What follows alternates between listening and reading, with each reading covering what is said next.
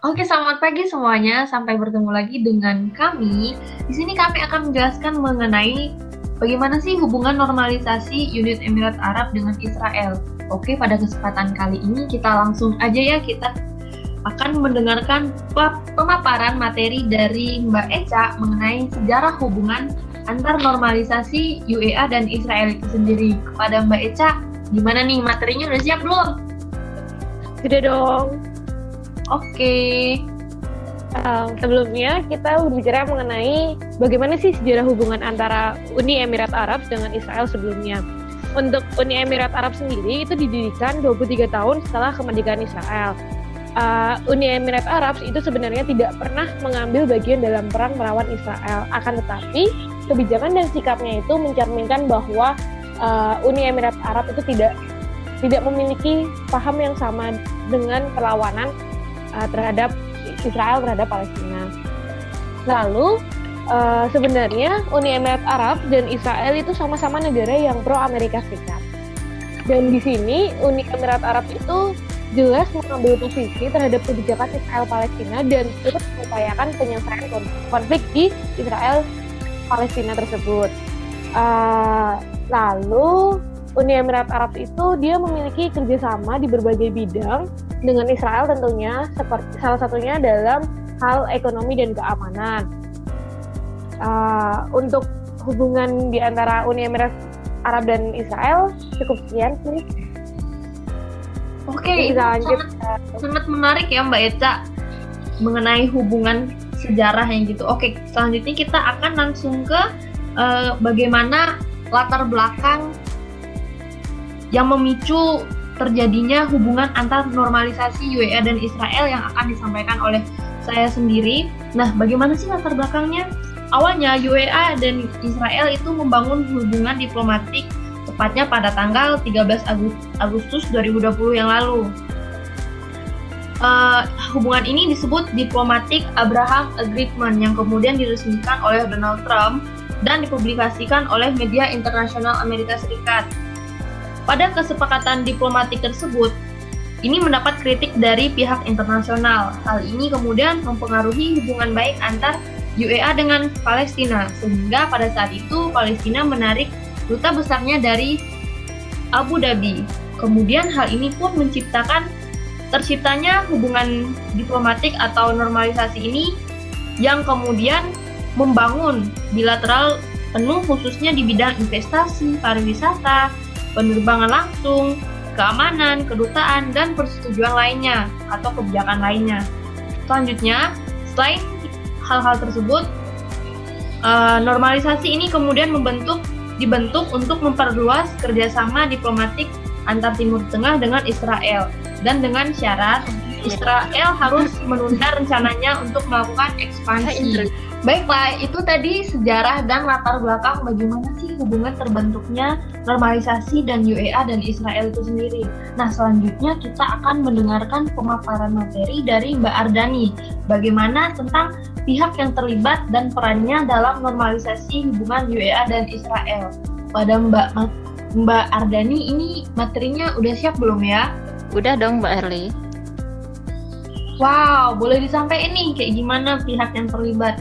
Oke, baik. Untuk pihak yang terlibat dalam normalisasi hubungan UEA dengan Israel ini ada negara Amerika Serikat, Israel, Uni Emirat Arab, dan organisasi PBB lainnya. Untuk peran-peran yang dimiliki mereka itu, Amerika itu berperan sebagai tuan rumah dalam upacara penandatanganan komitmen normalisasi antara UEA dan Israel di sini eh, Presiden Donald Trump berperan menjadi saksi dalam kegiatan tersebut. Untuk eh, perwakilan dari negara Israel ada Perdana Menteri Benjamin Netanyahu. Eh, dia berperan sebagai perwakilan dari negara Israel.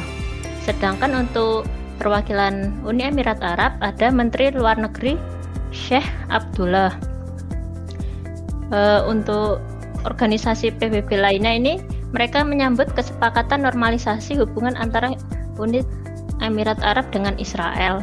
Uh, untuk pihak dan perannya cukup sekian yang bisa saya sampaikan. Oke, makasih Mbak Ardani untuk materinya. Oh, yang menarik ya. Ternyata mereka tuh saling memiliki hubungan sebab akibat gitu. Bagaimana uh, normalisasi ini bisa terbentuk. Oke, selanjutnya kita akan mendengarkan pemaparan dari Mbak Eca mengenai respon negara lain tentang terbentuknya hubungan normalisasi ini. Pada Mbak Eca, mungkin materinya bisa disampaikan. Ya, terima kasih Mbak Erli. Nah, berbicara tentang normalisasi antara Uni Emirat Arab dengan Israel, pasti ada nih respon dari negara-negara uh, lain terhadap tindakan normalisasi tersebut. Nah, ada yang pro, ada juga yang kontra. Untuk yang pro sendiri itu seperti yang disampaikan oleh Sekjen PBB yaitu Antonio Gatos, um, beliau itu merespon positif tentang kesepakatan normalisasi Israel dan Uni Emirat Arab karena bisa membantu mewujudkan solusi dua negara yang, uh, dengan Palestina untuk perdamaian di Timur Tengah. Lalu untuk ada yang kontra nih, uh, juru presiden juru bicara presiden Palestina sendiri Muhammad Abbas itu sorry Mahmud Abbas itu berbicara uh, bahwa kalau kesepakatan tersebut hanyalah sebuah pengkhianatan terhadap Yerusalem, Al-Aqsa dan perjuangan uh, bagi Palestina. Lalu ada yang pro lagi nih dari kedutaan Prancis. E, mereka menyampaikan bahwa keputusan yang menangguhkan anek aneksasi wilayah Palestina adalah suatu langkah positif yang perlu menjadi permanen. Lalu ada dari organisasi kerjasama Islam ini merespon negatif tentang normalisasi tersebut karena uh, mereka menolak kesepakatan yang ada dalam hubungan normalisasi tersebut. Lalu ada Presiden Mesir nih dia uh, dia itu merespon positif dan berkata bahwa mereka mengapresiasi Amerika Serikat dan Uni Emirat Arab serta Israel untuk membawa perdamaian di Timur Tengah. Lalu dari Arab League League sendiri itu um, menunjukkan sikap kontra terhadap Malaysia besarnya